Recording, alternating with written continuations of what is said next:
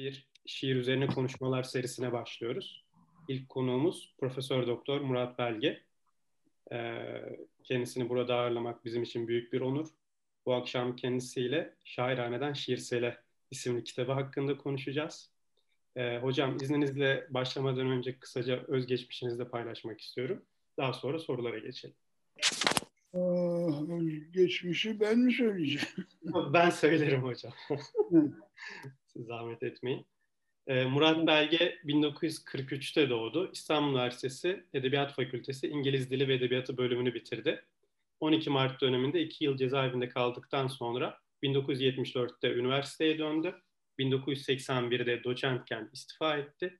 Halkın Dostları, Birikim, Yeni Dergi, Yeni Gündem, Milliyet Sanat, Papyrus dergilerinde ve Cumhuriyet, Demokrat, Milliyet, Radikal taraf gazetelerinde yazdı.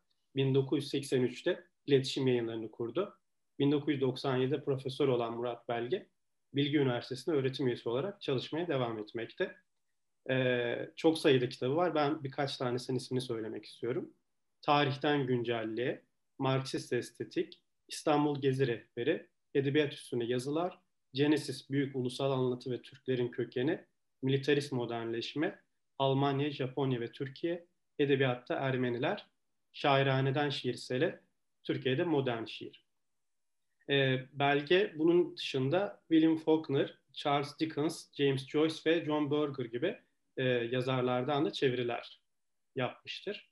E, hocam şimdi isterseniz sorulara başlayalım. Evet. E, ilk olarak e, şunu sormak istiyorum. E, şairhaneden şiirsele daha önce çok karşılaşmadığımız bir külliyat sunuyor. E, Türkçe'de şiir tarihini retrospektif biçimde ele alan çok fazla çalışma yok bildiğiniz üzere. E, daha çok belli şairlere dönük bir e, ihtisaslaşmanın olduğunu görüyoruz alanda. E, bu açıdan kitabın varlığı çok önemli. E, sizinkine yakın diyebileceğimiz Ebu Bekir Eroğlu'nun Modern Türk Şiirinin Doğası ya da farklı bir döneme ele alsa da Kayhan Özgül'ün Divan Yolundan Pere'ye Selametle kitapları e, düşünülebilir ilk etapta. E, sizi bu kitaba yazmaya iten sebeplerin ne olduğuyla başlayalım isterseniz ilk olarak. Buyurun hocam sizi dinliyoruz. Şimdi önce benim bu kitapla ilgili söyleyeceğim e, aslında bizim yayın evi kapağı falan tasarlarken yani işte şairhaneden şiirsele benim düşündüğüm bir şeydi, isimdi kitap için. Onlar altına Türkiye'de modern şiir diye bir alt başlık düşünüp öyle yayınladılar. Ben de bunu gördüm böyle olduğunu ama çok üstünde durmadım. Daha sonraki şeyde e, bu alt başlık çok uygun görünmedi bana. Şu bakımdan yani şimdi Türkiye'de modern şiir demek sadece bir modern şiirin hepsini elden geçirdim. İşte ne ararsanız burada bulacaksınız falan gibi bir iddialı bir laf olmamakla birlikte böyle bir tarafa da çekilebilir bir tarafı var. E, oysa bu oldukça öznel bir kitap. E, yani modern Türk şiiri işte şudur, şudur, şudur diyen bir kitaptan çok yazan adamın yani benim e, Türk şiiriyle işte buluşmalarımızı, Türk şairleriyle buluşmalarımızı şey yapan, e, hikaye eden bir e, kitap. Yani şimdi e, modern şiiri mesela e, bir otorite şey tavrıyla e, inceliyor olsam mesela Sezai Karakoç yok. Olur mu? Yani böyle bir şey. Ona benzer daha e, birçok şey e, önemli şair yok. Çünkü benim onlarla şeyim e, olmamış. Yani bir e, üç beş şiirlerini elbette okumuşumdur ama onunla da yani kitapta şey olmaz. E, yazılmaz. Yani onun için şey olmasaydı e, alt başlık olmasaydı daha iyi olurdu diye diye düşünüyorum. Ne beni bunu yazmaya şey yaptı? dürttü. Ee, içinde yani kitabı e, okuyunca gö gördüğün gibi e, sözünü ettiğim insanların birçoğuyla yani yaşımızın müsait olduklarıyla şahsen tanışıklığım var. Şey bile yani ya, ya, ya Kemal'le bile en azından bir, birkaç kere aynı sofrada yemek yemişliğimiz var falan filan. Ee, ve dostluk yani arkadaşlık. Ee, onun için yani e, aslında bu benim hayatımın da e, vazgeçemeyeceğim ve yani bir kenara tıkıştıramayacağım bir parçası. Ee, hani gene Türkiye'de modern şiir lafına uymayacak bir şey olarak bunu da ekleyeyim. Ee, 60'lı yıllar, özellikle 60'lı yıllar e, benim çok daha haşır neşir olduğum zamanlardı. E, Türkiye'de yazılan şiirle. E, yani tamam işte 50'lerde şey e, garip kuşağını izlemişliğim var falan filan ama zaten ben küçüğüm hani fazla bir anlamıyorum e, o sıralarda. Onun için yani bu kitaba alabildiklerim özellikle almak isteyerek alabildiklerimin de yani böyle bir bütün ömür boyu neler yazmışlardır, nereden nereye varmışlardır. O da çok şey değildir yani. Biraz e, ne diyeyim yani çok yeter, yeterince incelenmemiştir. Yani bir incelemeci kitabı e, olduğunu söyleyemem ama yani onları ki yani ben bu kitabı bitirdiğimde burada anlattıklarımdan bir ülkü kalmıştı hayatta. Bundan kısa bir süre sonra o da öldü. Ee, yani bir çeşit işte bu artık hayatta olmayan şair arkadaşlarımla merhabalaşmak gibi bir şeydi yaptığım. Ee, böyle anlatayım yani. Evet, tamam teşekkürler. Ee, şimdi yöntemle ilgili biraz tartışalım isterseniz hocam. Ee, kitabın, kitabın ön sözünde e, gelebilecek eleştirileri de düşünerek yazdığınızın bir edebiyat tarihi olmadığını söylüyorsunuz. Hmm. Ama e, bu kitap nihayetinde edebiyat tarihi kategorisine de değerlendirilebilecek özellikler taşıyor. E, edebiyat tarihlerinin vaat ettiklerine yakın şeyler sunuyor temelde. E, o ee, alan tabii, alan genel olarak öyle bir alan. Evet, ya yani 27 şairden tek tek bahsettiğinizi görüyoruz. Ee, hmm. Bunların çoğu sizin radarınıza giren şairler. Ee, ama sizin yönteminizin barındırdığı problemler aslında Türkiye'deki bütün edebiyat tarihlerinde olan problemler bir yandan da. Ee, sizin farkınız bunların farkında olmanız. Yani bu problemlerin ön sözde e, farkında e, bir bilinçle yazıyorsunuz kitabı ve buna rağmen yazmaya da devam ediyorsunuz. E, şunu sormak istiyorum. Ya bu farkındalık sizi nasıl yönlendirdi? E, sizde çeşitli gerilimlere ya da imkanlara yol açtı. Ee, gerilimlere yol açtı mı? Ee, yani insanın yazdığı her kitap mutlaka neyse o kitap şeyi nitelikleriyle falan gerilime yol açıyor.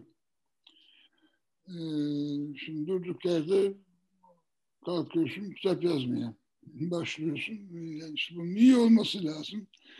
Doğru olması lazım vesaire vesaire. Bunlar da böyle şey e, gelip e, insanın sırtına yığılıyor. Yani dolayısıyla bu da e, aynı şeyleri yaptı ama böyle bir e, azap diyecek bir şeye boyuta falan da gelmedi bunlar. Yani e, e, orada da işte dediğim bu öznelliğime sığınarak e, şey yaptım. E, benim yöntemim şey e, yani şiir olsun, e, düz yazı olsun bu yakın okuma dediğimiz benim öncelikle işte e, Amerikan, İngiliz New Criticism şeyinden e, aldığım ve işte kendi kafamdaki Marksizmle filan da birleştirerek ama yani e, edebi yöntem olarak diyebileceğim şeydir.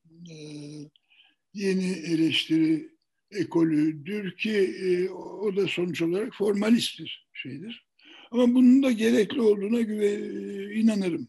Yani formalizm çok zaman e, böyle şey sol iddiaları olan yazarlar e, bir şey olarak küçültücü bir laf olarak kullanırlar. Benim öyle değil. Yani edebiyatla uğraşıyoruz.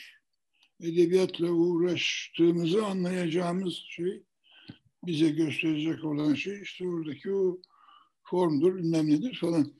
Ee, yani işte bunu e, aşağı yukarı kitap boyunca uygulayabildiğim kadar uyguladım. Şimdi Elif Cansever'i anlatırken mesela masa çok eski bir şiiri Edip'in. Ee, yani onun metin incelemesini değil de yani şimdi otur işte bilmem konken oynayan kadınlar falan incele diyebilir birisi çıkıp. Ee, bunları tabii hep düşünüyorsun yani. Ee, evet peki ama yani o kısa masa şiirinin hiç yapıldı mı şeyi? Böyle bir metin incelemesi? Yok yap, yapılmadı. E o zaman oturayım yapayım falan gibi yani böyle şeylerle e, belki biraz e, şey mi oluyor bu? E, rasyonalize mi etmiş oluyorum yani bir şey e, kusur olan bir şey sanmıyorum pek. Ya, yani zaten e, kusursuz olmak diye bir şey mümkün değil de e, yani işte ki zaaflarıyla bilmem nesiyle sonuç olarak benim de bu alanda söyleyebileceklerim bunlar. Evet, bu yakın okuma yöntemini e, önemsediğiniz belli zaten. E, hmm. Şimdi biraz o, onunla ilgili bir şey, onunla ilgili bir şey sormak istiyordum. E, bildiğiniz gibi edebiyat eleştirisinde uzun zamandır metinle yazarın yaşantısını birbirinden ayırmaya dönük bir konsensüs var. Evet. E, ancak siz kitap boyunca e, biyografiden, yaşantıdan da çok ödün vermiyorsunuz. E, yakın okuma yaparken bu yakın okumayı başka disiplinlerin malzemesiyle birleştirmeye, desteklemeye çalışıyor gibisiniz. E, doçentlik teziniz de Christopher Codwell'di zaten. Onun evet. eklektik denilecek estetik teorisini çalışmışsınız. Evet. E, şairhaneden şiirseleye baktığımızda e, biyografi, anı gibi türleri e, eleştiriyle birleştirme, yakınlaştırma çabanız e, bu Codwell etkisinden mi geliyor? Onu soracaktım. Aslında siz biraz söylemiş oldunuz ama bir de Codwell bağlantısını sormuş olayım. E, Codwell'den geliyor diyemem. Yani zaten e,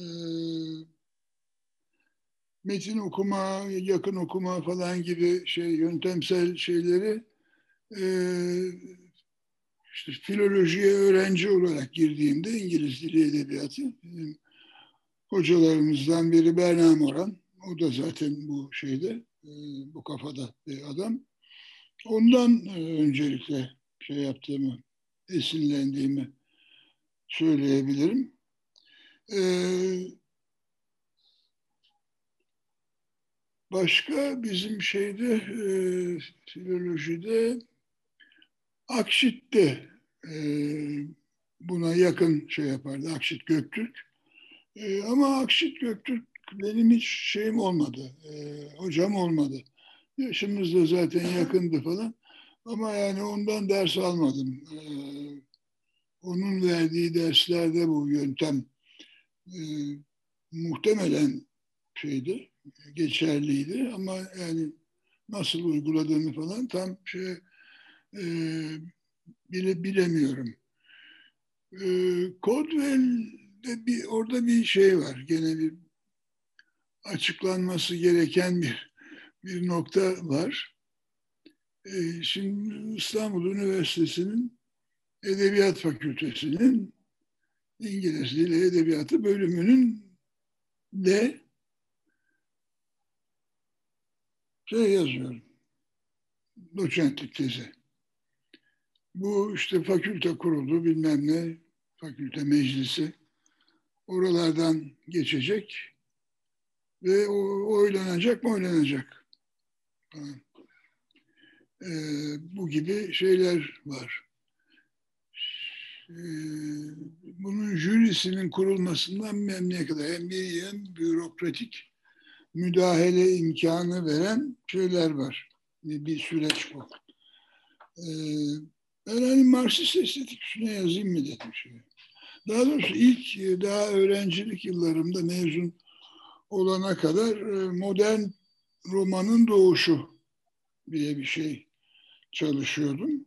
İşte Conrad, Henry James ile filan başlayıp işte Virginia Woolf, Joyce falan oralarda e, bitirmeyi düşündüğüm bir şey. Hatta 69-70 arasında bir yıllığına e, İngiltere'ye gittim bir burs alarak. E, o bir yıl boyunca da hep bu o konuyu şey yaptım kütüphanelerde falan. Onları karıştırdım. Fakat sonra e, baktım ki çok incelenmiş bir şey bu.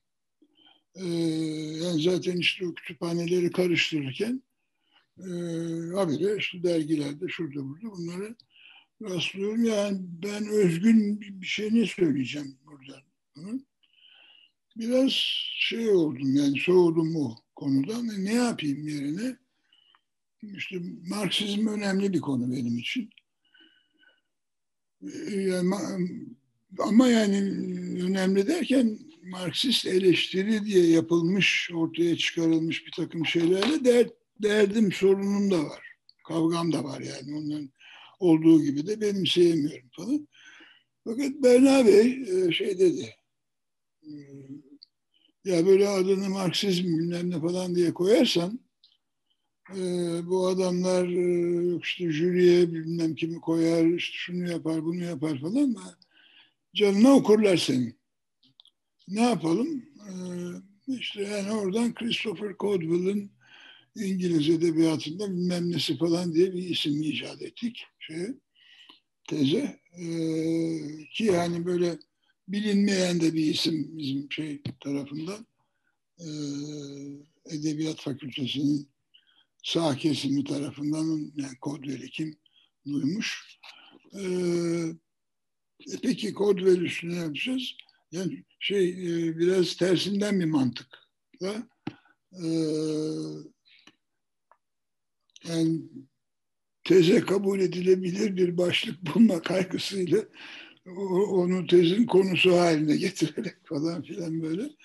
Ee, orada aslında e, yani Caldwell'i e, bilirdim şey e, işte, yani değer verdiğim filan bir adamdı ama e, demin söylediğimiz kaygı rol oynadı. Hani formalizmi de işte aradan çıkaramazsın falan diyorum ya.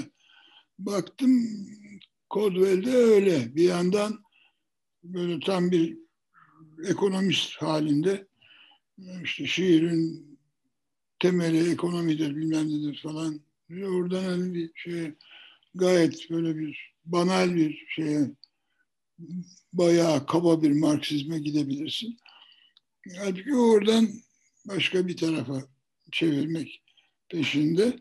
İşte şey e, romantizmdi bilmem neydi falan.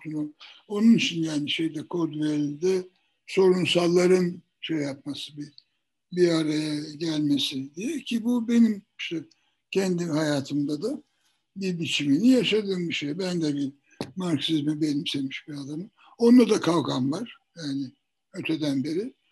Ama yani sen nesin diye sordukları zaman bir takım teorik ayrı düştüğümüz, ayrı düşündüğümüz şeyler var olmalı da bence. Yani başka türlü bir yani düşünce bir şey değil ki ezberleyeceksin. Ee, her durumda aynı şeyi söyleyeceksin falan.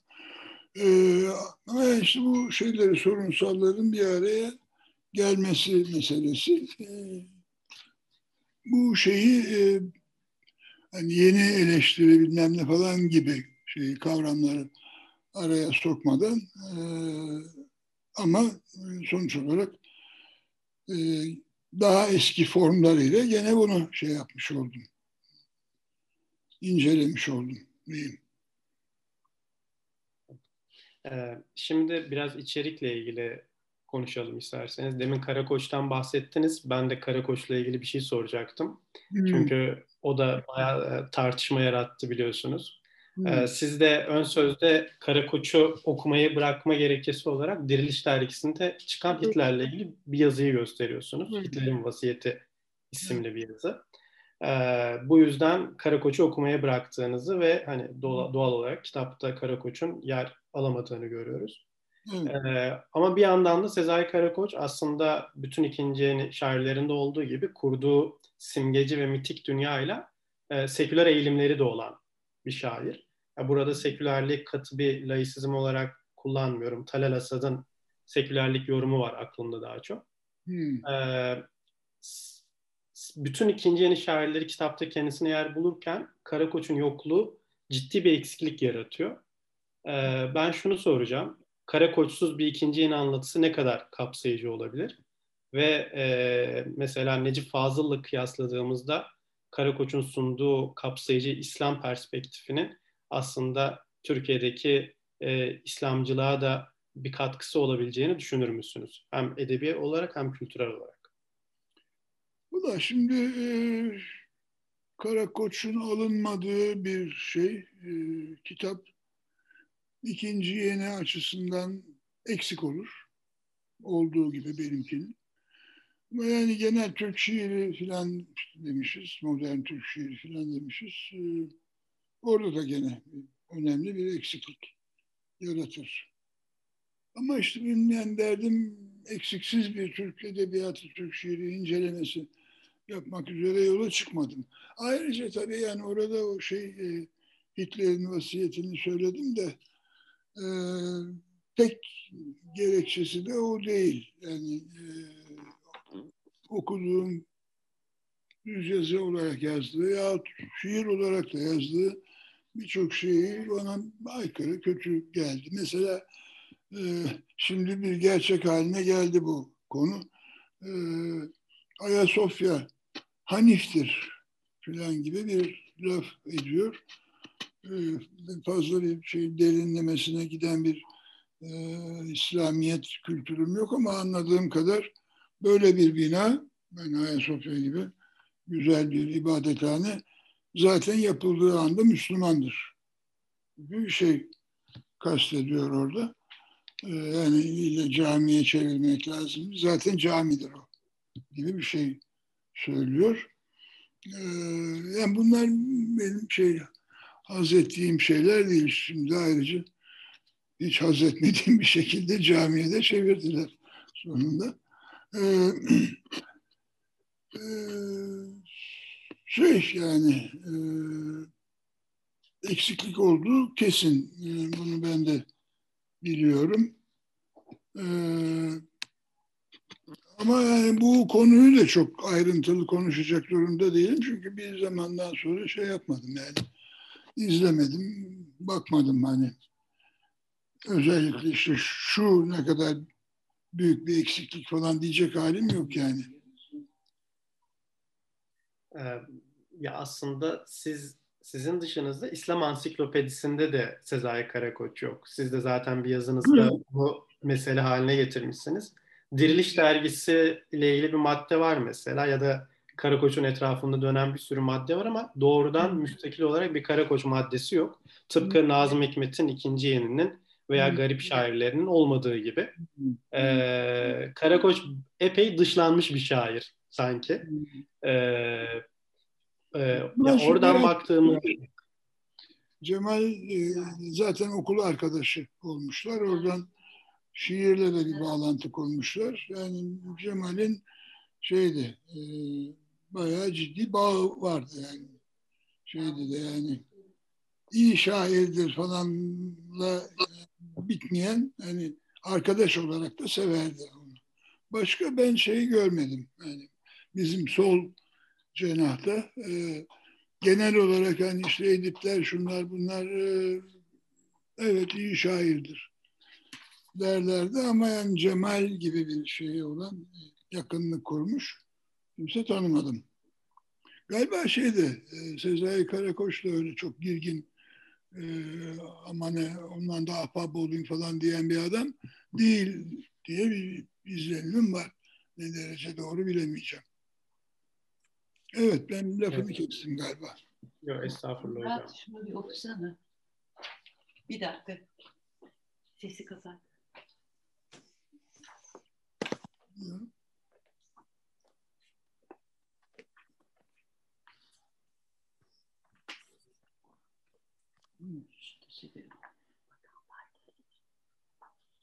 Tamam. Evet, pardon. Ee, hocam. Ee, şimdi biraz bu 60'lı özellikle 70'lere daha doğrusu 70'li yılların e, kültürel ortamı ile ilgili bir şey sormak istiyorum. Ee, evet. 70 ile 71'de Halkın Dostları dergisini çıkardığınızı görüyoruz İsmet Özer'le birlikte ve Atol Behramoğlu'yla tabii. Evet. Ee, ikisi de aslında o dönem yakınlık kurduğunuz isimler, şairler. Evet. Ee, ama kitapta ikisi de yok. Ee, tıpkı Sezai Karakoç gibi. Ee, şimdi biz sizin e, kitapta ikinci eniyi olumlayarak merkeze alan bir retorik kurduğunu kurduğunuzu düşünebiliyoruz. Ee, hmm. Acaba bu yani 70'li yıllarda İsmet Özel'in ve Atol Behramoğlu'nun özellikle halkın dostlarında gerçekleştirmek istedikleri ikinci yeni karşıtlığı sizin onları kitaba almamanızda etkili olmuş olabilir mi diye bir soru geliyor aklıma. Yok hayır. Hayır. Ee, yani şey ikinci yeniden sonraki şeyi e, yani birçok şair var. Ee, yani e, Ataoğlu İsmet'i aldığımda işte Mert, e, Özkan Mert'i almam lazım, Süreyya Berfe'yi almam lazım. İşte onları aldığım zaman biraz daha genç olan yani işte Barış e,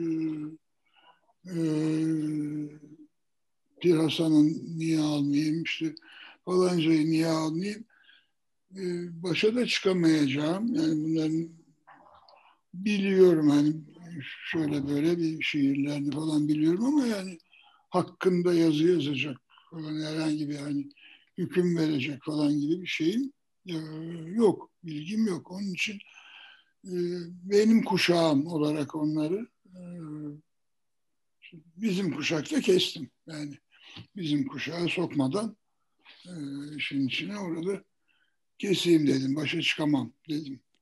E, yoksa şeyi yok yani o evet onaylamadım.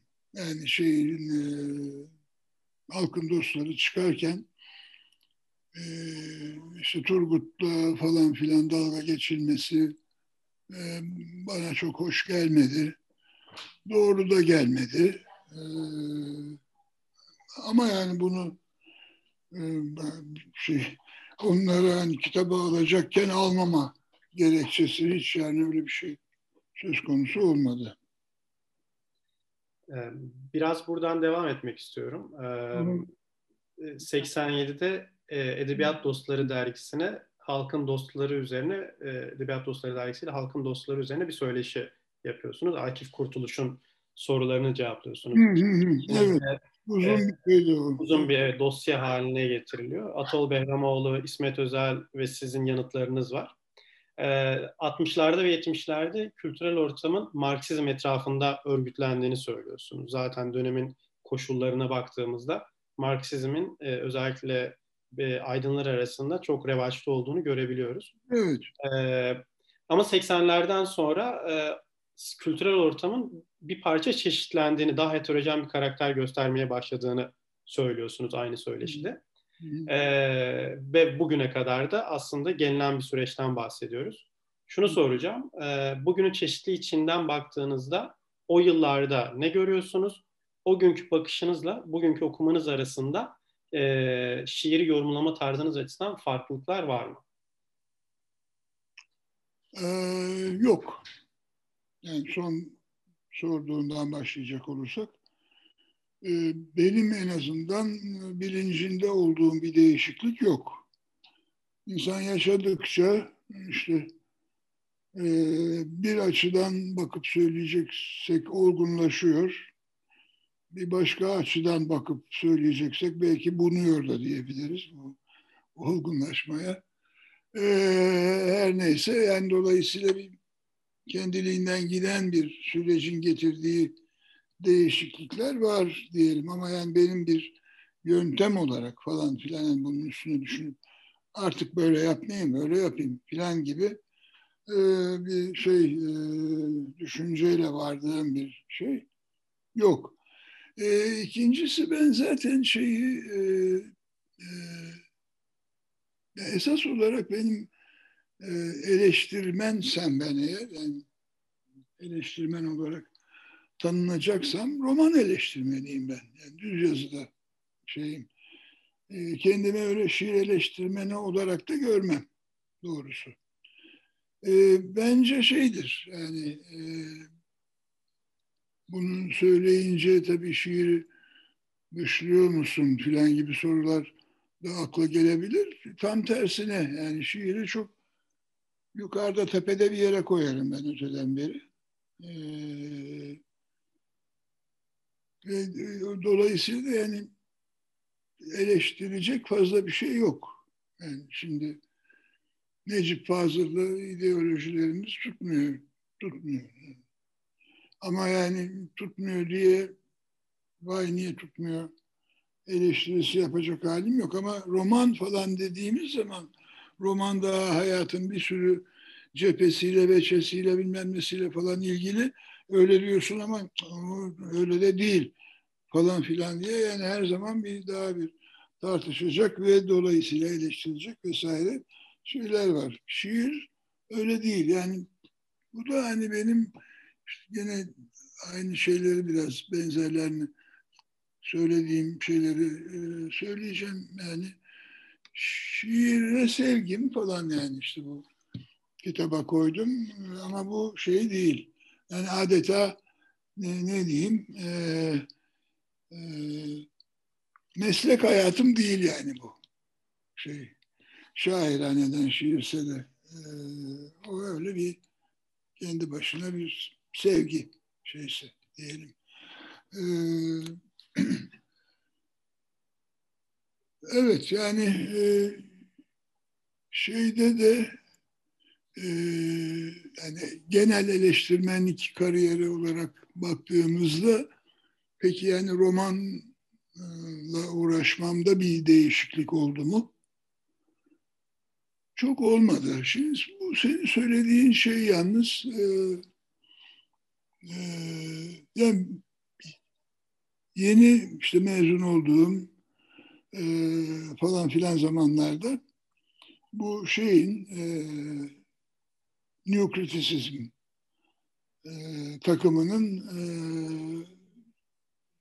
intentional fallacy dediği şeyi e, yani bir kitabı, bir roman vesaire bunu e, yazarın amaçladığı bir işte dünya görüşünü bilmem ne falan filan e, olarak bakma alışkanlığını hani şey dedin ya e, biyografisi yazılacak adamla şey o adamın ürettiği ürünleri birbirinden ayırma şey, çabası. Bu bende de vardı. Böyle olmalı diyordum. Ee, orada e, gene senin dediğin gibi bir e, yumuşadım. O da nasıl oldu? E, biraz kendiliğinden muhtemelen oldu. Ama kendiliğinden olmayan bir tarafı da sanıyorum var.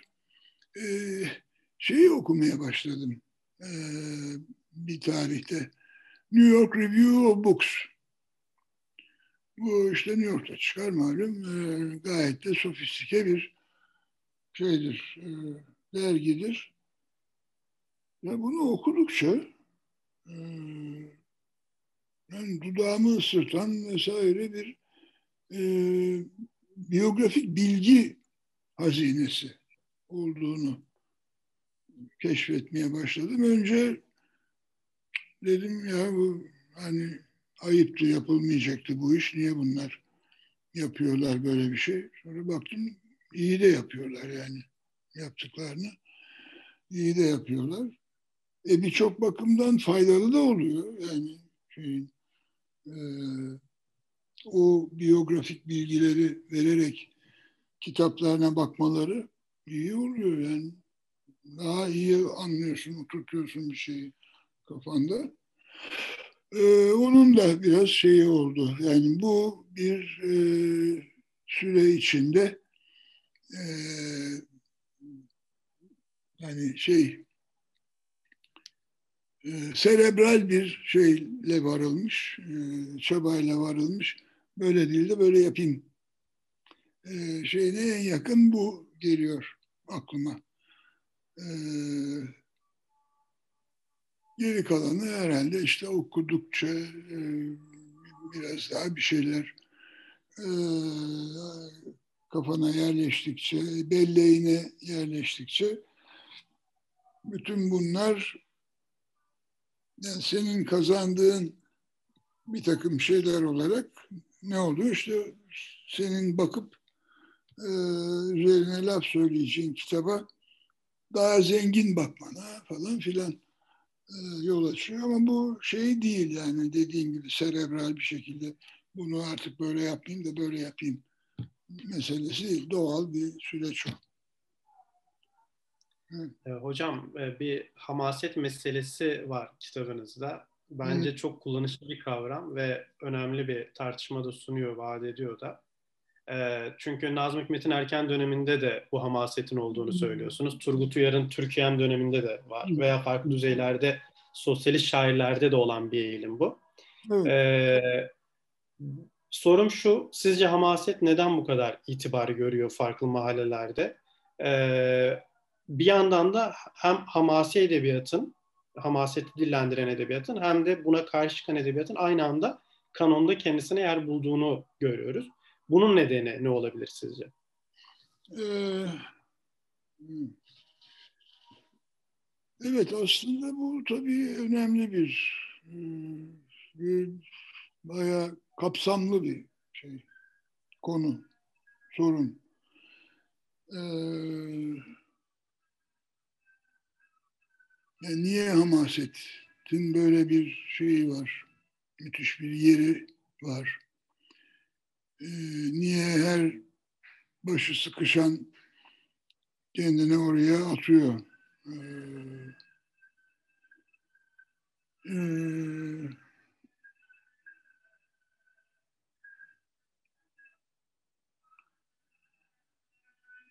Osmanlı kültüründe uzun boylu bir şeyi var mı diye düşündüm de ee, yok yani daha çok Osmanlı'nın empoze etmeye çalıştığı siyaset kültürü padişaha şey saygı körü körüne falan filan bir şey.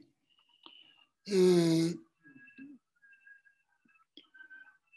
şimdi yani Tanzimat'ın ilanından sonra şey de pek değil. Abdülmecit ama Abdülaziz zamanında bir şey başlıyor. Yani intelijensiya diyebileceğimiz yani okuması yazması olan bir e, Osmanlı toplumunun kaymak tabakası bu memleketin yönetilmesi ve yürütülmesinde kendisinin de söz sahibi olması gerektiğini düşünüyor. Bunu bir talep haline getirmeye başlıyor kendi zihninde. Ee, ama tabii şey e, onun fikri de olmalı, bizim fikrimiz de olmalı. E, ama herkes de aynı fikirde değil. E, işte başlangıçta şeyle Abdülmecit ve Abdülaziz döneminin de büyük kısmı şeyle geçiyor. E, pan otomanizm diyebileceğimiz bir anlayışla işte şey e, tebaanın tamamını kendine bağlamak için hepimiz Osmanlıyız kardeşim. Hadi beraberce bu işi götürelim. Ama bunu nihayet dediği zaman Osmanlı tebaasına, tebaına e, biraz geç kalmış durumda. Onun için yani Ermeni diyor ki belki biz bütün Ermeniler birleşip kendi şeyimizi kursak daha karlı bir yol izleriz. Sırplar aynı şeyi söylüyor. Bulgarlar aynı şeyi söylüyor falan. Yani bu şeyin kargaşalığın içinde e, pek bir istikbal görünmüyor bize. Ama Bulgar Bulgar'a kendi aramızda belki bu işi kotarırız. Bu bir ümittir falan gibi bir şey. Bunu atlatıyor dönemi. Ee, yani nasıl atlatıyor? Bir olmuyor bu. Olmadığı, ol, olmayan, yürümeyen bir şeye hala ile pan otonomizm diye e, şey, yap, yapışıp kalmak olmaz. Bunu anlayanlar var. Ee, e, ikincisi şey e, yani o inanmamalarının sonucu olarak Abdülhamit tahta çıktığı zaman e, 93 harbiyle aşağı yukarı şey e, beraber e, bunların çoğu da gitmiş oluyor. Şey yok o etrafta. Sırt mırt kalmamış. Ayrılmışlar o zamana kadar. Abdülhamid'in düşündüğü ya işte ben, ben padişah ve aynı zamanda halifeyim. E burada işte bu Araplar var, Kürtler var bizim doğu tarafında. Müslüman bunlar. Şeyde de bakınca Balkanlara e, Arnavutların birçoğu Müslüman, Boşnaklar Müslüman. İşte Bulgaristan dediğimiz yerde var şeyler, e, Müslümanlar. İşte Makedonya'da Torbeşler, şunlar bunlar. E, Yunanistan'da var Müslüman. E, belki bunları bir arada tutmak, İslam birliği üzerinden bir arada tutmak mümkün olur. E, bu da yürümüyor. Yani bunun da yürümediğini Balkan Harbi'nde görüyoruz. E, Balkan Harbi'nde şeyler gidiyor. E, işte, bu, Bulgarlar şunlar bunlar durmuyorlar. Müslümanları da durmuyor. Ee, ve dolayısıyla kalıyor işte 1905'te şeyin yazdığı Akçura'nın yazdığı pantürkizm. O da zaten en çıkar yol budur. İşte üç tarzı siyaset bunu öneriyor. Ee, böylece bir tür e, zoraki denebilir. Yani şey mecburen Türkçülük e, ön sıraya oturuyor. O zaman başka ideolojiler falan pek yok ortada. Yani şey Türk meselesi. Ee, bunu abartma gereğini duyuyorlar. Bunu sanıyorum birkaç şeye gene bağlamak mümkün. Şimdi bu ulus devlet dediğimiz olay bir modern bir fenomen bu. Ee, aslında devlet görece çok daha kolay kurulacak bir şey. Ee, yani entelijensiye belirli elemanları bir araya geliyorlar. İşte şu şöyle olsun, bu böyle olsun bilmem ne işte bir rejim beğeniyorlar falan filan. Ee, kurulabiliyor şey devlet, ulus devlet. Ee, ama e, ulusun kendisini kurmak zor. Kolay değil. Çünkü hiç buna hazırlıklı olmayan, buna göre bir eğitimi olmayan falan filan bir amorf bir e, kalabalık toplum dediğin. E, onun için hep o şey yani benzer süreçlerden geçmiş toplumlarda şeyin e, okumuşların yani elitlerin, seçkinlerin e, bir tuhaftır şeyler geri kalan toplumda ilişkileri. Belki bizdeki kadar e, fazla şey makas açılmamış olabilir ama epey şeydir yani zordur ve e, seçkinlerin bir hayli azarla adam azarlaması falan gerekir. Öyle olmaz. İşte vatanperver olacak falan filan. E, bu tarafı var. Ama bir yandan da sanki bu bizim entelijensiye kendisinin çok doğru olduğunu kendisini de inandırmaya çalışıyor. Bunun da yolu gene hamaset. Yani, e,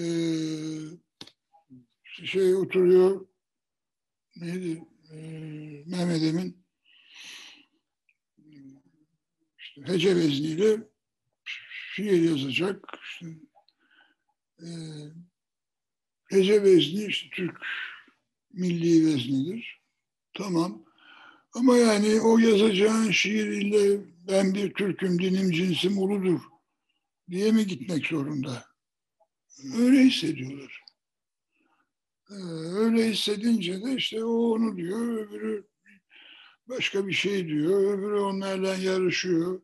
İşte o şey Hece'nin beş şairi falan filan, Enis Beyişler, şunlar bunlar bir tür milliyetçilik yarışına giriyorlar. Hangimiz daha kesin yani milliyetçiyiz, hangimiz daha çok seviyoruz vatanımızı falan. Böyle bir süreçlerden geçiliyor. Ee, bir de şeyi e, herhalde buna eklemek gerek.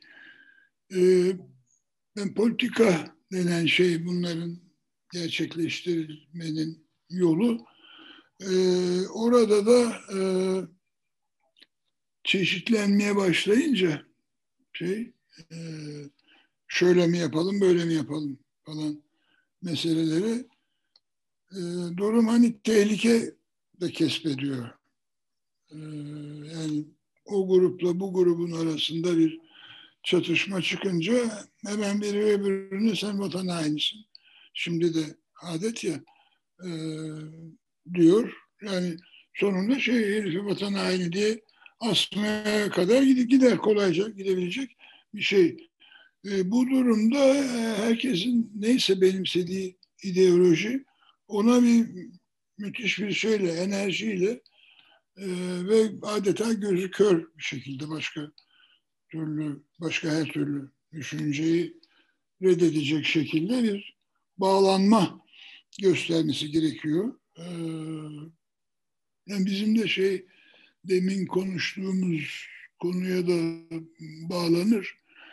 Yani Marksist olmak, sosyalist olmak işte en başından e, tanklarıyla, toplarıyla gelseler dahi sosyalist olacak Türk'ün ülkesi falan diye bağırırdık meydanlarda. Ee, yani hemen bir tank top şeyi problematiği diye e, nasıl problemati e, o gündeme gelirdi.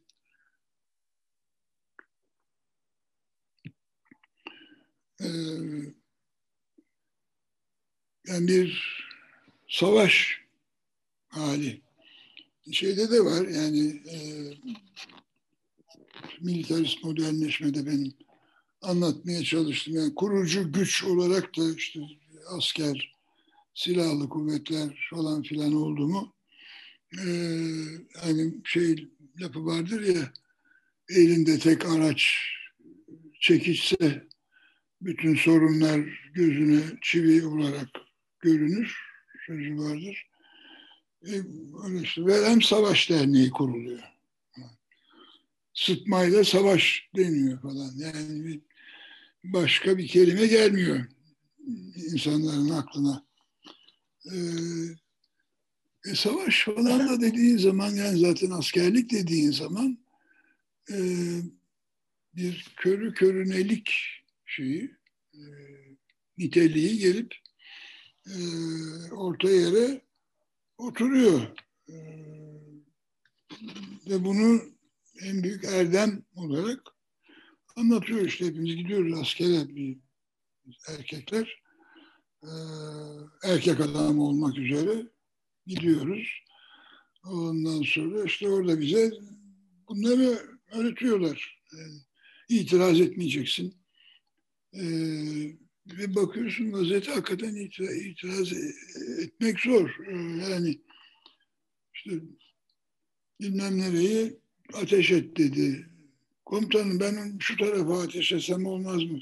Yani böyle bir şey yapamazsın. Hani bir tartışma falan çıkaramazsın. Yani adamın dediğini yapacaksın.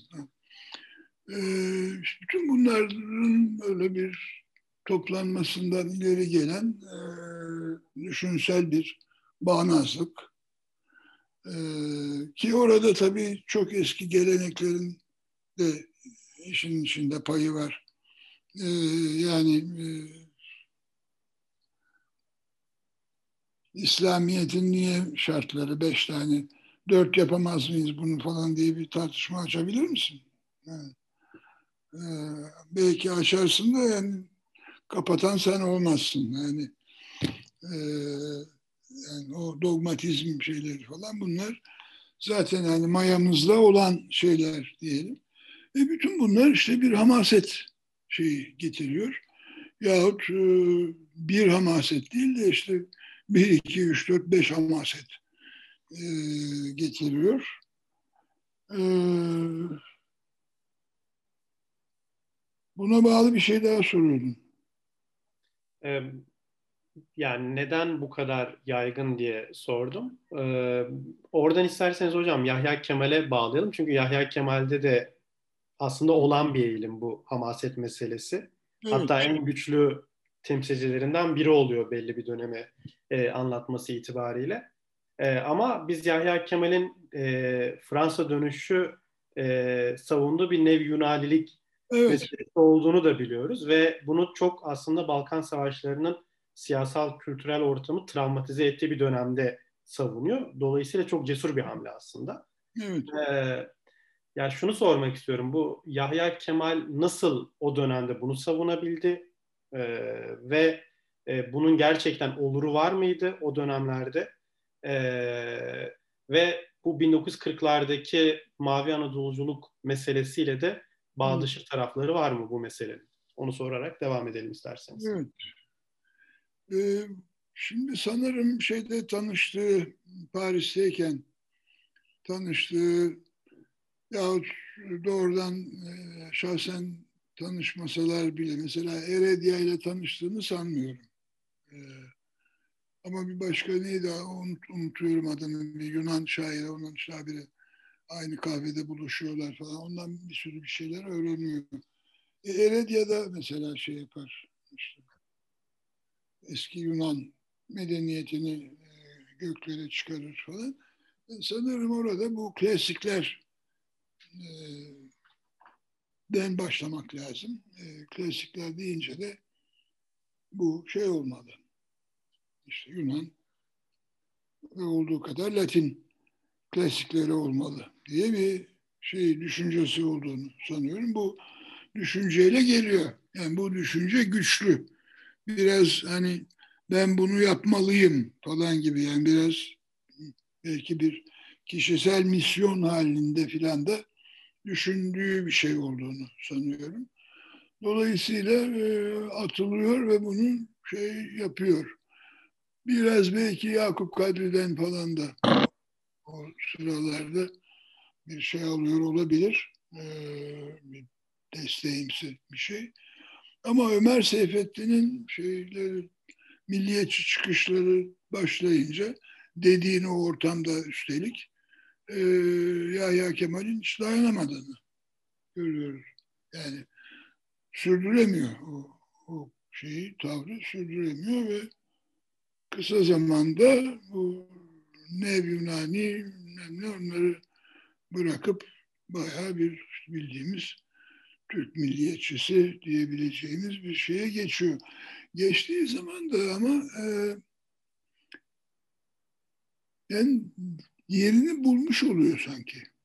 E, hani bazen böyle bir müdahaleden ötürü tavır değiştirmek zorunda kalırsın ve benimseyemediğin bir şeydi pozisyonda bulursun kendini ama mesela Açık Deniz gibi bir şiirine baktığım zaman ki o şeyde kitaba da aldım onu. E orada yani o denizin metçeziri işte nasıl o şey yükseldiği zaman geliyor, her şeyi kaplıyor falan onları anlatırken adam yani ağzının suyu akıyor. Ee, şey değil yani e, yakıştırma bir, bir şey değil. Akıncı çetlerimin işte duydum havasını bilmem ne falan filan derken çok şey e, Kazi'nin kitabı vardı On Native Grounds. Yani Yahya Kemal'de ve daha tabii birçok Türk yazarı şey milliyetçilik şeyine girdiği, damarına girdiği zaman on native grounds. Ee, öyle oluyorlar. Ee,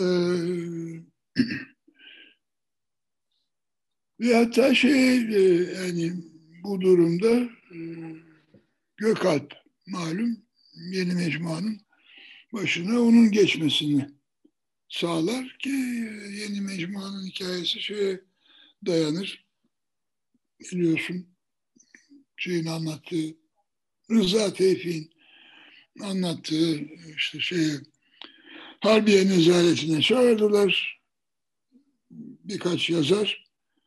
Dediler ki işte eski Türk kahramanlığını anlatan şiirler, nesirler yazarsanız vasi, çok vasi ücretler vereceklermiş falan filan. Kendisinin pek yüz vermediğini ima eder falan ama şey e, Yusuf Ziya mesela e, şimdi adını hatırlamadığım o kitabının kıyamet gibi şey e, paralar falan kazanıyor ve şeyde yeni mecmuada o şey içinde, o bütçe içinde çıkıyor. Şimdi onun başına sen Yahya Kemal'i getiriyorsun. Yahya Kemal e, tamam milliyetçi yani şey ama aynı zamanda da kültürlü bir adam ve şey yani düşünmeyi de öğrenmiş bir adam. Yani o şeyde tahmin ediyorum Paris'te geçirdiği epey uzun süre, 9 yıl mıdır nedir? Ee, şey olmuş, etkili de olmuş üzerinde. Ee, makul düşünebilen ve bayağı olmayan bir adam. Yani onun için yani onun yapacağı şey bir ses geldi mi o? Yanlışlıkla oldu hocam. Siz devam edin isterseniz. Ee, şey hmm, hamaset yaptığı olduysa da yani bayağı olmamıştır sanki. Ee, ama e, bunu işte geri kalan Türk edebiyatçıları için söylemek çok kolay değil. Ee, Yahya Kemal için ne diyorduk? Sen başka bir şey daha sormuş. Mavi Anadoluculuk. Mavi Anadolu hikayesi. Evet bence e, şey e, organik bir şey yok bir e, ilişki yok. E, yani mesela bunun devam ettiren e, şeyden e, garip kuşağından Melih Cevdet'tir. E, onlar e, sanıyorum şey Yahya Kemal'i bir, bir tür şey yaptılar. Bir selam çaktılar. E, sanırım şey yani ben de işte o kitapta da biraz değindiğim işte Park Otel'de karşılaşıyoruz falan filan. E, keyifli zamanları var, keyifsiz zamanları var. Keyifsiz zamanlarında daha çok yani işte artık bu şiir mihir bir başka şey oldu. Ee, bu benim bildiğim bir halk değil ee, ama bu yeni nesiller e, şiirden bunu anlıyorlar ve ben kenara atıldım. Galiba bizim şeyimiz bitti gibi böyle bir meyus olduğu bir durum var. Ee, ama orada da şey mesela demişti bana yazdım mı hatırlamıyorum. İşte benim Mihri Mahsultan şiirini okudun mu? Bir, ona bir bak, onu yeni bu şairlerde seviyorlar, hoşlarına gidiyor falan gibi bir şey. Yani muhtemelen Orhan Veliler falan konuşup yani işte e, bu vezin kafiye bilmem ne bunlar şiiri öldürüyor felaket. Ama sizin tabii yeriniz başka falan gibi bir e, onu hoş tutma gibi yani iyi şaire aynı kafada olmasan da bir saygı gösterme gereğini duyduklarını sanıyorum. Ama ben ondan esinlenerek bir şey yapacaklarını pek düşünmüyorum. Ee, şeyin zaten Orhan Veli'nin öyle bir derdi yok. Şeyin oluyor bir miktar. Oktay Rıfat'ın işte o çobanıl şiirler falan gibi e, vergiliuslu bilmem neydi falan onun da e, bir şeyi var, bayağı bir uzanışı var e, klasik edebiyata. Ama bunların içinde en bununla bağlı Melih Cevdet'tir tabii. Troya önünde atlarda, işte Gılgamış'ta vesaire şeyde kolları bağlı Odysseus'ta falan e, bayağı çok sayıda şey yapmıştır yani bu. Onun dışında bir de 60'larda şeyi hatırlıyorum. E, yön çıkarken e, kültür sayfasında bir yılların birinde e, Türk Edebiyatı'nın bir klasiği var mıdır? Olmalı mıdır? Olmalıysa ne olmalıdır falan diye bir anketimsi bir şey açtılar. Ve bu birkaç sayı devam etti. Çeşitli yazarlar buna cevaplarını gönderdiler. E, Melih Cevdet, yani bizim klasiğimiz Yunan Roma olmalıdır e, diye cevap verdik yekten. E, yani onun bu düşünceyi şeyden aldığını sanmıyorum ben. Yani ya, ya, Kemal ve onun ne Yunanilik şey. Hiç öyle bir olay olmasaydı tarihte yine şey e, Melih Cevdet'in şeyi tercihi, seçimi bu olurdu e, sanıyorum. E, şeyin de tahmin etmiyorum hani bu fikriyatı ilk e, yayan Halikarnas balıkçısının da şeyden e,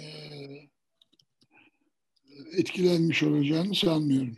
Yahya Kemal'den etkilenmiş olacağını sanmıyorum. Yahya Kemal'inki oldukça erken bir zamanda çıkıp e, öyle bir acayip tepkiyle karşılaşınca yine olduğu yere sinmiş bir şey böyle bir bireysel vakadır gibi geliyor. Şey Yakup Kadri falan da yani bunu savunur gibi olan herkes pısmıştır bu konuda. Geri basmıştır. Yakup Kadri de az şey, milliyetçi olmadı ondan sonraki ömründe. E, muhtemelen zaten e, 40'larda devletin tercüme odası üzerinden Hasan Ali Yücel'in desteği vesaire olmasa onların da çok e, güçlü savunabilecekleri bir şey olmazdı. Tıpkı Yahya Kemal'in yapamadığı gibi. Evet, e, evet. Hocam bir de Nazım Hikmet'e e, bağlanmak istiyorum buradan. E, memleketinden insan manzaralarını çok başka bir yere koyduğunuzu görüyoruz. Hakikaten çok e, nevi şahsına münhasır bir metin evet. e, modern epik kategorisine değerlendirebileceğimiz özellikler taşıyor. E, ama siz manzaralarda e, özellikle Çerkes Ethem ve e, Ali Kemal üzerinden Nazım Hikmet'in Kemalizmle uyumlulaştığını da söylüyorsunuz.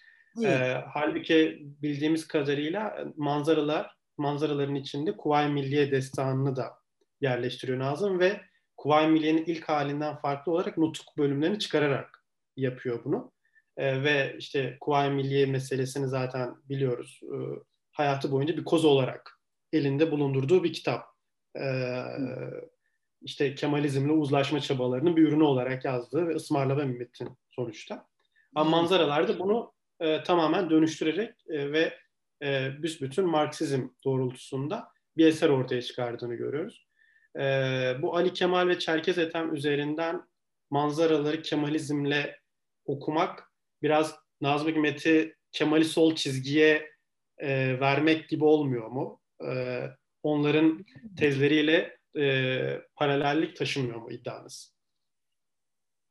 Ee,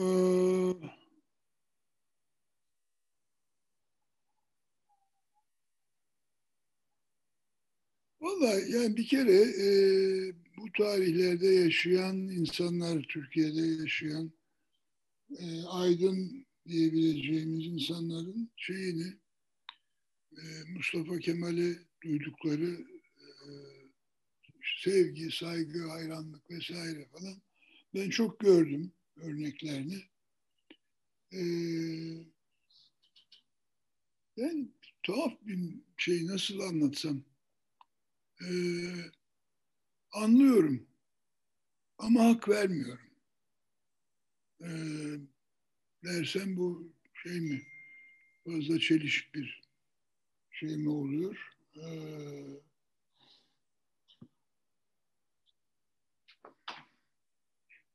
Mesela halam anlatır bir şey.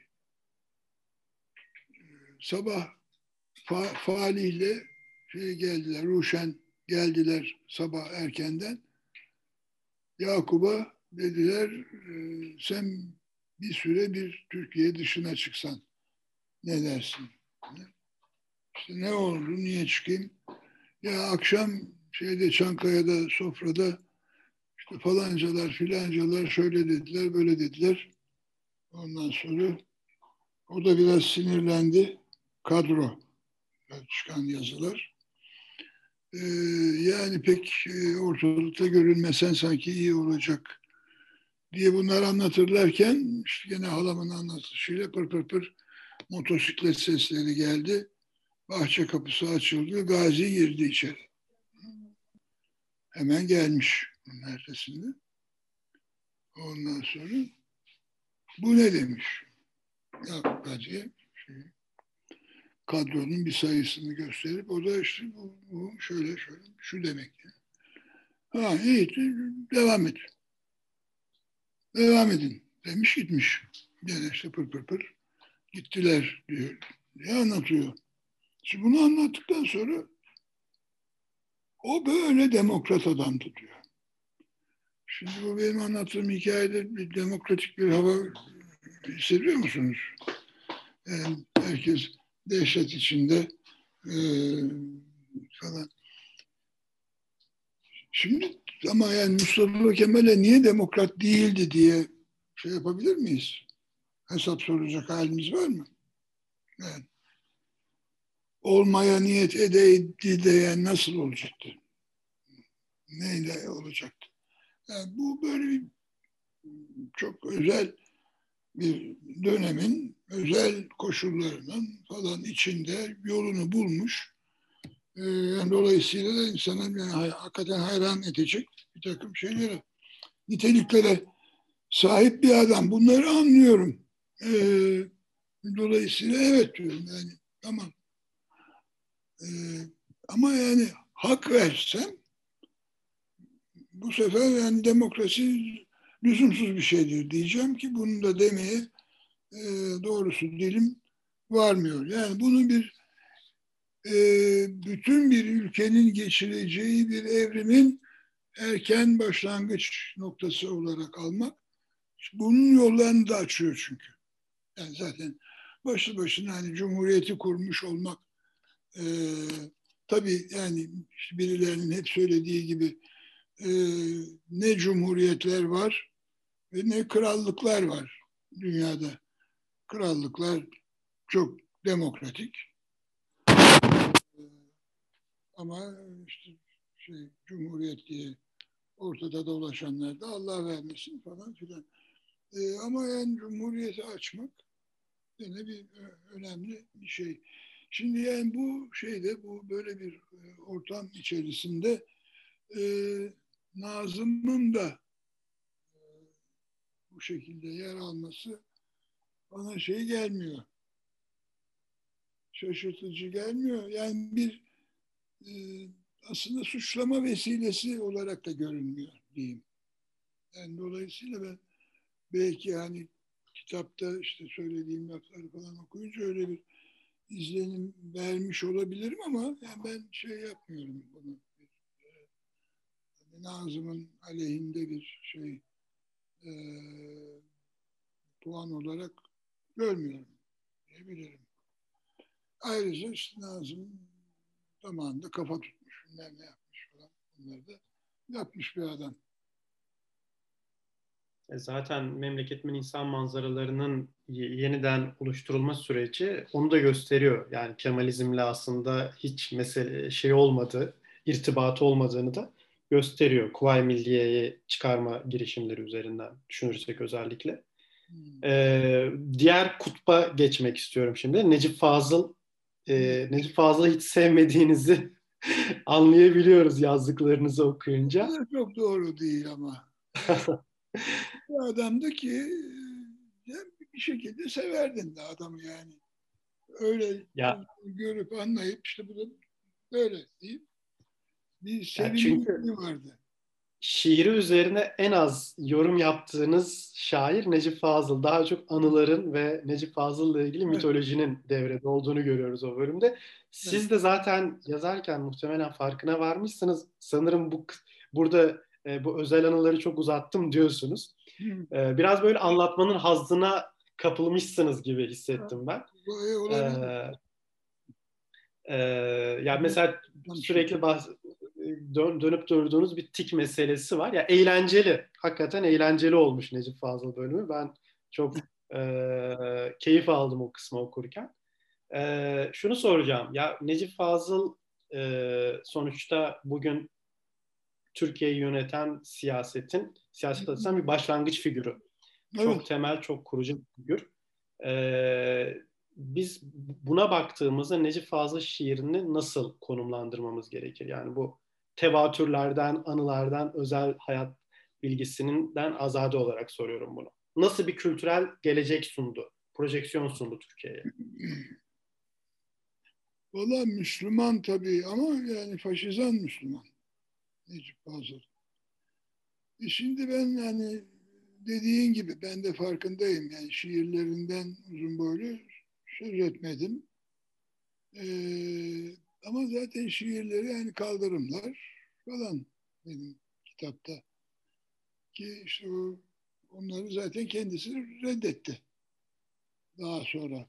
Şey değil, kaldırımları reddetmedi ama mesela o dönemde yazdı. Kadın bacakları falan filan gibi. Aslında ilginç olan yani büyük şiir filan demezsin kadın bacaklarına ama yani, yani bir ilginç bir şey tarafı vardır. Ee, yani daha önce kimsenin memlekette girmediği, öyle bir cesaret falan göstermediği konular. Onlara şey yaptım ee, ama asıl yani bugünkü işte iktidarı vesaire şey yapan hazırlamış yani iktidara ideoloji e, olarak kendini sunmuş dönemi şeyin Necip Fazıl'ın onlara hiç bakmadım. Bakmadım çünkü yani işte şöyle bir arada bir e, işte içinde Necip Fazıl'ın olduğu bir yayına mayına bakıp yani işte kendine yazık etti bu adam falan demişimdir. Çünkü o şeyde o o ideolojiyle yazdığı şiirlerde iş yok bence. Belki işte bir takım bazı bir e, ciddi bir şey yani şiir yaşantısı olmuş bir adamın bir işte ustalığı bilmem bir lafı söylemekte bir ustalığı falan bir şeylerden söz edilebilir ama yani bir yandan hani şiirde olsa ben şeyden içeriğin şeyinden e, ayırarak bakamam şeye. Metne.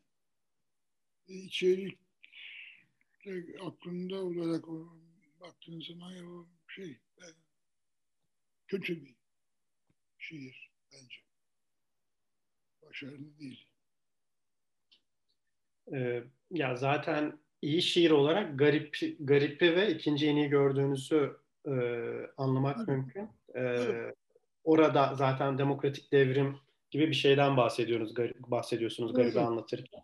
Ee, ya bu şairanelik kültürünün sona ermesi olarak da bu demokratik devrimi evet. tanımlıyorsunuz zaten. Evet. Ee, bu biraz da bu gariple ilgili kısma gelelim istiyorum. Sonra ikinci yeniyle ilgili de bir şey soracağım. Ee, biz işte e, Tanzimat'tan itibaren daha doğrusu aslında klasik şiirde Osmanlı şiirinde de bir himaye patronaj kültürünün olduğunu görüyoruz.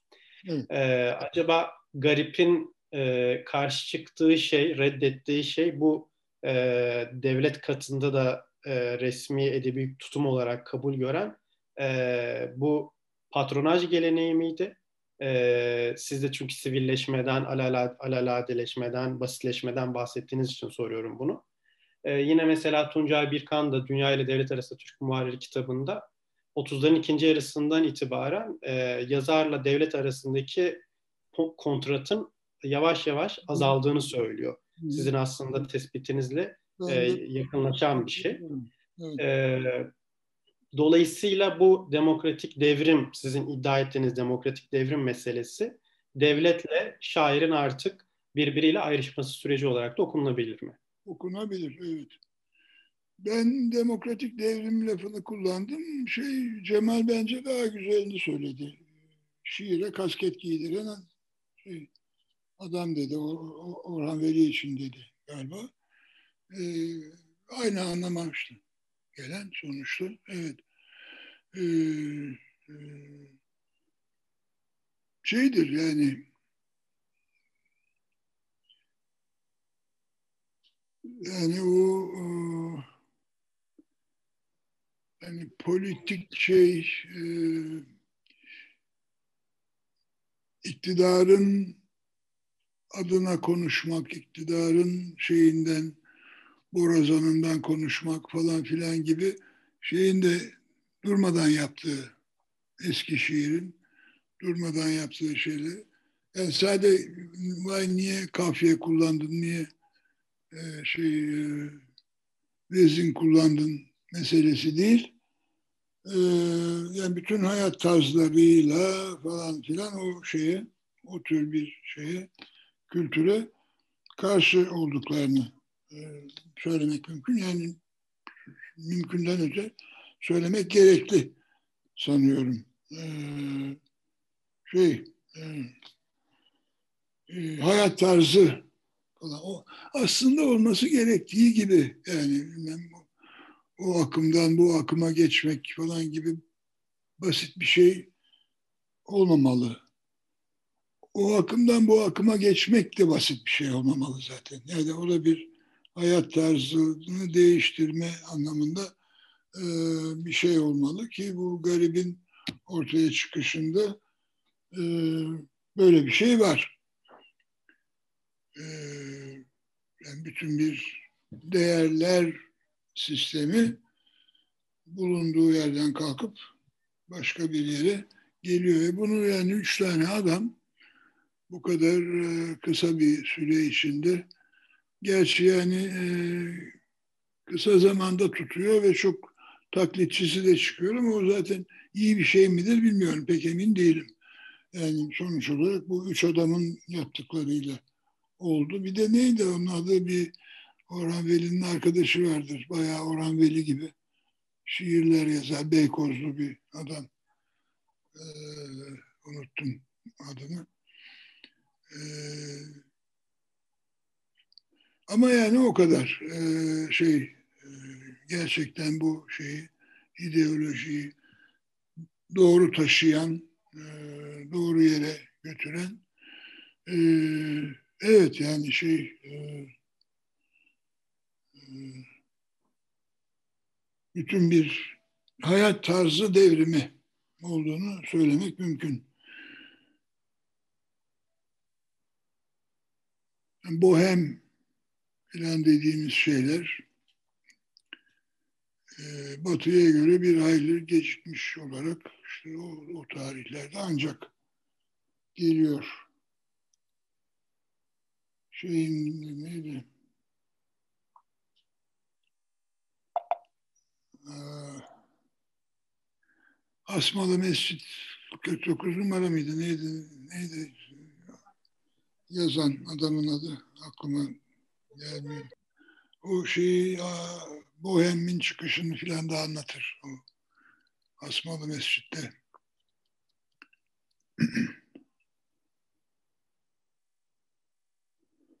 evet. Burada da ben... Fikret Atil galiba hocam. Hı?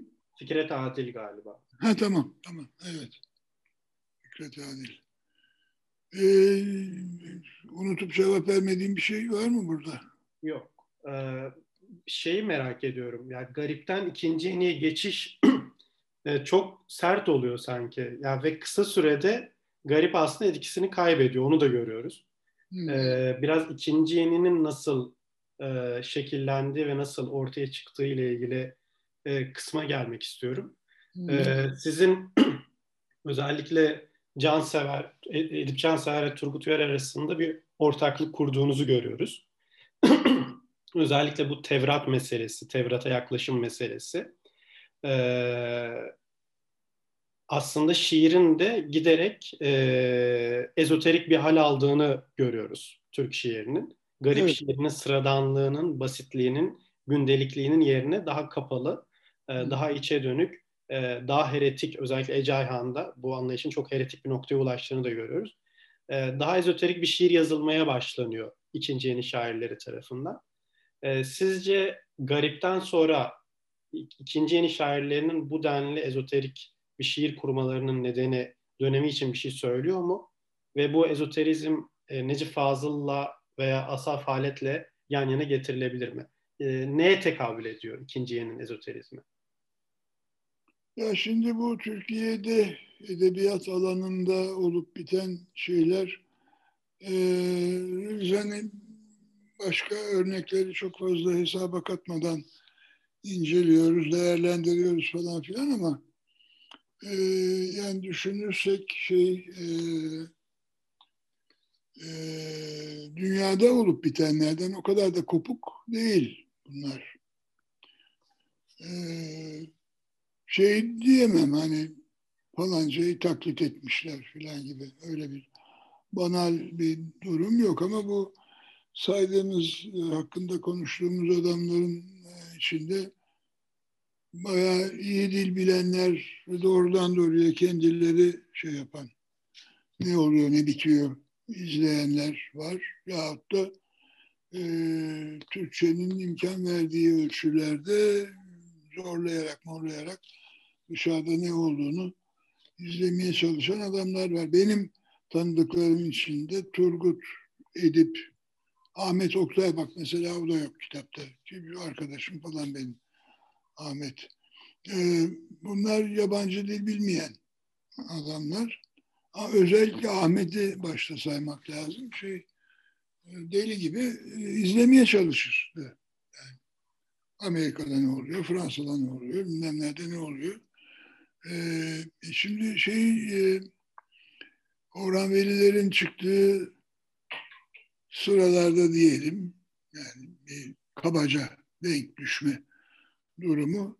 Mesela bu e, neydi adam? E, Hans Falada Alman şair değil şey ama işte küçük adam küçük adam ne oldu sana falan diye bir roman yazıyor ve bu şeye çevriliyor. Türkçe'ye hemen çevriliyor. Yani bugün durup düşündüğünüzde Falada çok önemli bir yazar da değil sonuç olarak ama demek ki bunu yazdığı tarihte Türkiye'de birileri bunun çevirmeye e, değer gerektiren bir kitap olduğunu düşünüp şey yapmışlar. Yani bir dünyada da böyle bir küçük adam şeyi e, ya mesela sinema alanına bakıyorsun. Hani o küçük adam denecek şeyin e, komik şaheseri olarak Charlie Chaplin var ortalarda. E, tam bir şey işte küçük adam. E, hani işte e, onu eziyet eden adam işte başını başka tarafa çevirince kıçına bir tekme atabilir falan şeyde böyle çok şey e, e, müşfik yürekli bir adam da değildir şey Charlo. E, kötülük etme imkanı varsa onu da yapar falan. Ama küçük adamdır, eziktir. Zaten öyle bir şey yapıyorsa o bir kendisine yapılmış bir şeyin intikamını alıyordur falan. Yani diyeceğim e, şeyle e, onların garipçilerin gelişiyle dışarıda bir takım adamlar arasında e, bağlantılar düşün, düşünme şeyde de Fransız şiirinde de benzer şeyler, eğilimler tespit etmek falan e, mümkün. E, şimdi aklıma gelmiyor ama bir şair olacak e, bu tür şiirler yazan. E, derken şey, e, imagizm çıkıyor. Bunu Anglo-Saksonlar getiriyor yani işte Ezra Pound başta olmak üzere ama ondan birlikte Eliot falan filan. E, bu da aynı zaman olarak şeyden daha bir örtüşüyor. İkinci elinin gelişiyle yani e, şey anlatacak olan şiirin ne olduğunu imgelerdir falan. O şey metro istasyonundan geçerken falan diye Ezra Pound'un çok hoş bir e, kısacık bir Japon şeyinden esinlenme bir şiiri vardır.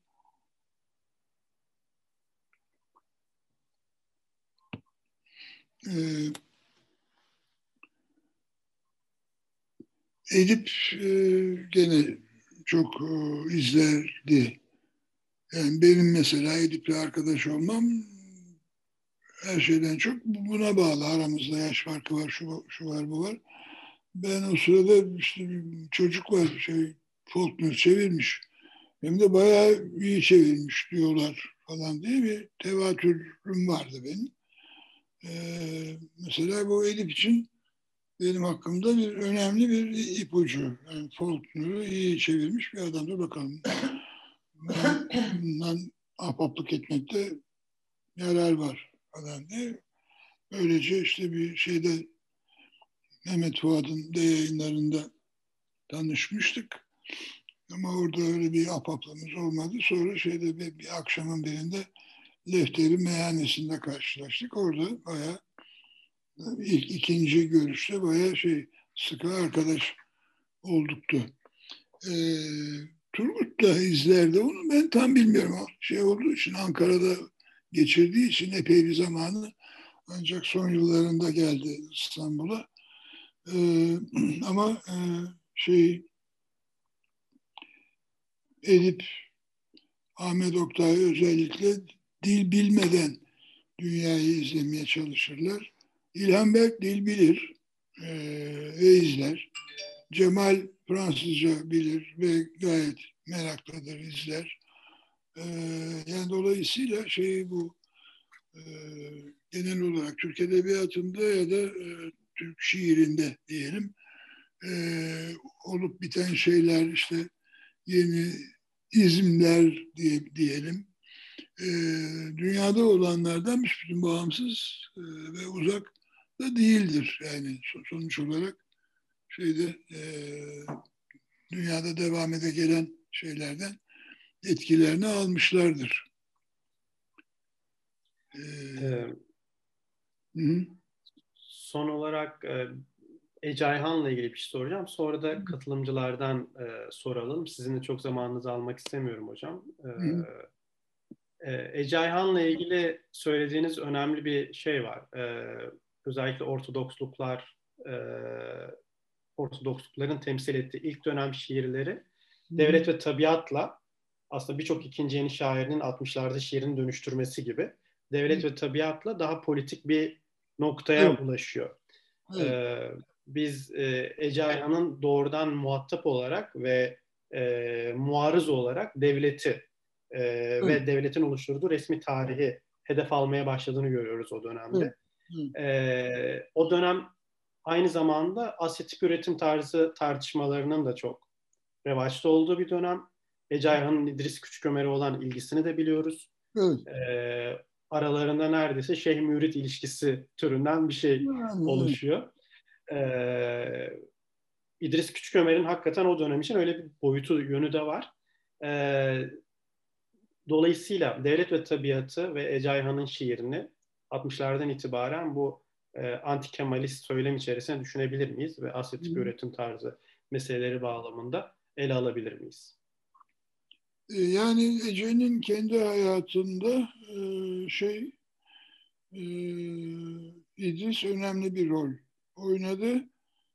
Ece şeydi yani muhalif bir naturası olan bir adam.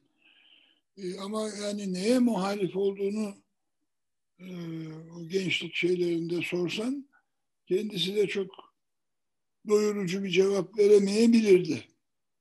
Yani e, İdris Ece'ye neye muhalif olduğunu şey yaptı, göstermiş oldu. Onunla birlikte işte devlet e, şey işte tabiattan sınıfta kalmış çocuklar, şunlar bunlar falan bütün bu bambaşka bir imge dünyası örmeye başladı o yoğurt savullarla vesairelerle.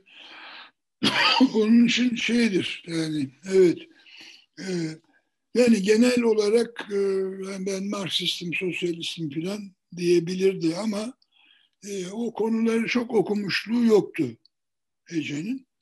Ama şey yaptıktan sonra e, İdris'le apaplığı ilerlettikten sonra ki bu şeye de işte kısmen denk düşer. E, başındaki o şey e, ameliyat e, hikayesi falan filan bunlar hepsi böyle bir bir araya geldi ve Ece bir transformasyon geçirip oldukça yeni bir Ece olarak çıktı karşımıza.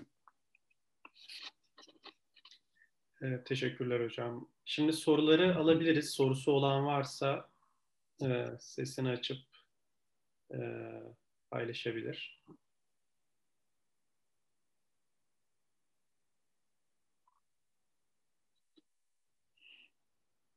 Yok galiba. Yok galiba. Ben sorayım o zaman. Benim bayağı sorum kaldı çünkü. Evet. bir iki soru daha sormama izin verir misiniz hocam? Tabii tabii. Evet. Ee, daha kısa sorular bunlar ve e, işte Orhan Koçak ve Enis Batur'un e, getirdiği tartışmalar üzerinden de değerlendirilebilecek şeyler. E, bu alt başlık meselesi çok tartışıldı. Türkiye'de modern şiir meselesi. Hmm. E, Orhan Koçak biliyorsunuz Türkiye'de modern şiirin sosyal tarihinden sahneler olarak değiştirmenizi önerdi yazısında. Hmm. Ve bu sosyal meselesini sosyalleşme kelimesiyle sınırlayarak. Hmm. E, hak veriyor musunuz Orhan Koçak'a? Ne dersiniz? Ya Orhan Koçak'a şeyine bir kere çok hak verdiğimi söyleyemeyeceğim. Ee, İlhan Berk'i e, daha ciddi bir şekilde ele almadığım için çok kızmış, öfkelenmiş.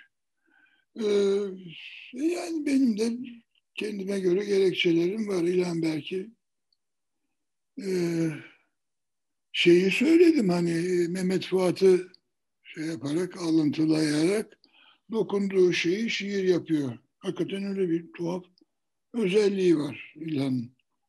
Ee, kendisinde yani tanıştıktan sonra ne yapaplık e, etmeye başladığımızda çok sevimli bulurum. sevdiğim bir adamdı İlhan. E, ölümüne yakın bir zamanda bizim şey e, bilgide öğrenciler onu çağırdılar bir şey yapmaya, konuşma yapmaya. Teype filan da aldılar. Ben de vardım orada. Ben de birkaç soru sordum falan. Ondan sonra bir de şeyde e, Beyoğlu'nda bir otelde karşılaştık. Ee, öyle ayaküstü. O geliyordu, ben gidiyordum falan öyle bir şey. Ee, ama yani şeydik, e, bir, bir, bir, bir, aramız, aramız iyiydi. Sevişirdik. Ee, şey, e, sosyalleşme yani bu şeyin de e, Enis Batur'un da kitap safi dedikodu falan diye bir yargısı var. E, bu insanlar yani ben artık şey yapıyorum bir kere. Yani demin konuştuğumuz konu yani biyografiyi de e, bir meşru şey e, momentlerden biri olarak e, kabul ediyorum şeyde eleştiride. E, adamlar hakkında yani aslında dedikodu yapmaya kalksam anlatacak daha kıyamet gibi hakikaten dedikodu bağlamına girecek hikaye var onları.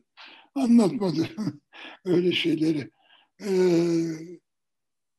yani verdiğim kişisel bir takım şeyler onlar hani şiirinde de bir şey e, bir yerinden bir ışık tutabileceğini düşündüğüm, e, inandığım şeyler.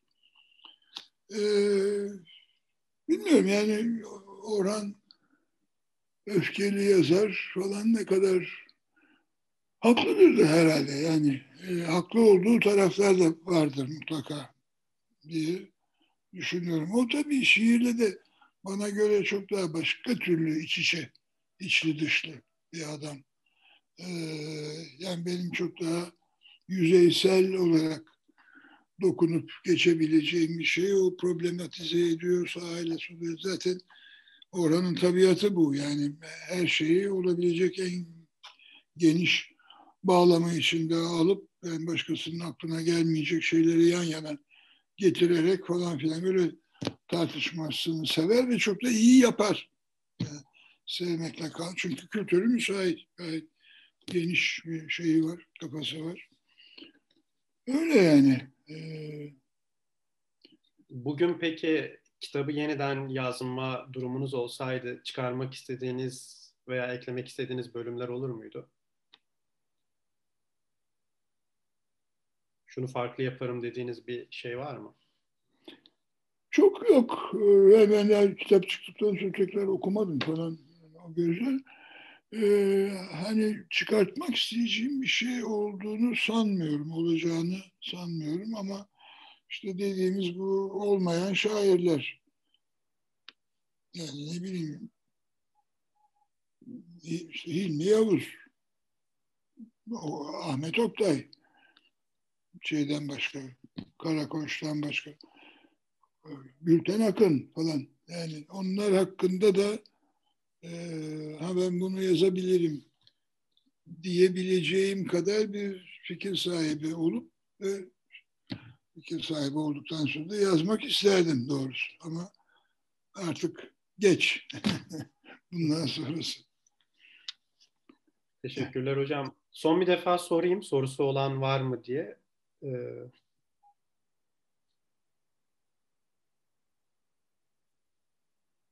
yok sanırım. Hocam Evet. çok teşekkür ediyorum. Ha, ben Ee, teşekkür ederim. Ne münasebet. Benim için büyük keyifti. Ee, ilk programımızda bu. Sizden sonra da Enis Batur'u ağırlayacağız bu arada. Ee, Evet, e, kolay çok, gelsin. keyif, çok keyifliydi. Ee, yarın da doğum gününüzmüş bu arada. Ee, doğru. e, Onu hatırlatmadan da olurdu yani. ben de o tesadüfen gördüm hocam. Ee, nice sağlıklı, e, mutlu, güzel yıllar diliyorum size. Sağ ol. Çok teşekkürler. İyi ki varsınız. Çok teşekkür ederim bu akşam için. Görüşmek üzere diyelim. Sağ olun. Sağ olun. Görüşmek üzere. Hoşçakalın hocam. Herkese, bütün katılımcılara da teşekkür ediyorum. Eyvallah.